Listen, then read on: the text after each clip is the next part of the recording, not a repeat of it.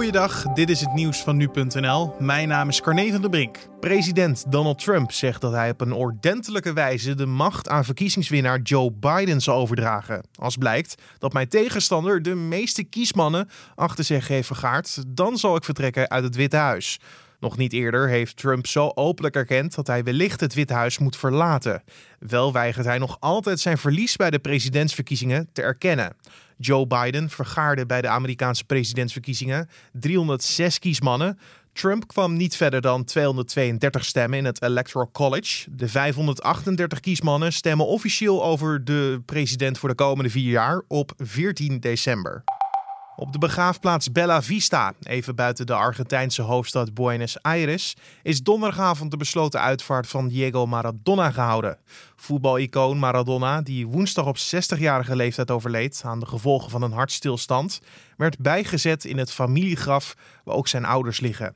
Bij de plechtigheid waren alleen familieleden en enkele vrienden van de legendarische oud-voetballer aanwezig. Tienduizenden Argentijnen kwamen samen in Buenos Aires om afscheid te nemen van hun held. Het was echter zo druk dat er zelfs rellen uitbraken. Nederlandse artsen mogen het virusremmende middel Remdesivir blijven gebruiken bij de behandeling van coronapatiënten, ondanks dat de WHO het middel afraadt. Dat adviseert de stichting Werkgroep Antibiotica Beleid. Een week geleden adviseerde de Wereldgezondheidsorganisatie landen om niet langer het middel Remdesivir te gebruiken bij coronapatiënten in ziekenhuizen.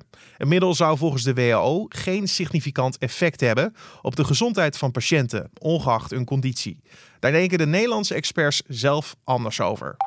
De OV-bedrijven staan door de coronacrisis flink in het rood. De dienstregelingen in het openbaar vervoer worden daardoor volgend jaar gemiddeld voor 10% uitgekleed om kosten te besparen, zo vreest branchevereniging OVNL. Het kabinet komt de OV-bedrijven tegemoet met een bedrag van 1,5 miljard euro om de verliezen op te vangen. De bedrijven krijgen tot en met volgend jaar juli 93% van de kosten vergoed door de overheid. Voor de overige 7% moeten ze zelf opdraaien. Dat zorgt voor honderden miljoenen euro's aan verlies en mogelijk dus minder treinen en bussen. En tot zover de nieuwsupdate van nu.nl.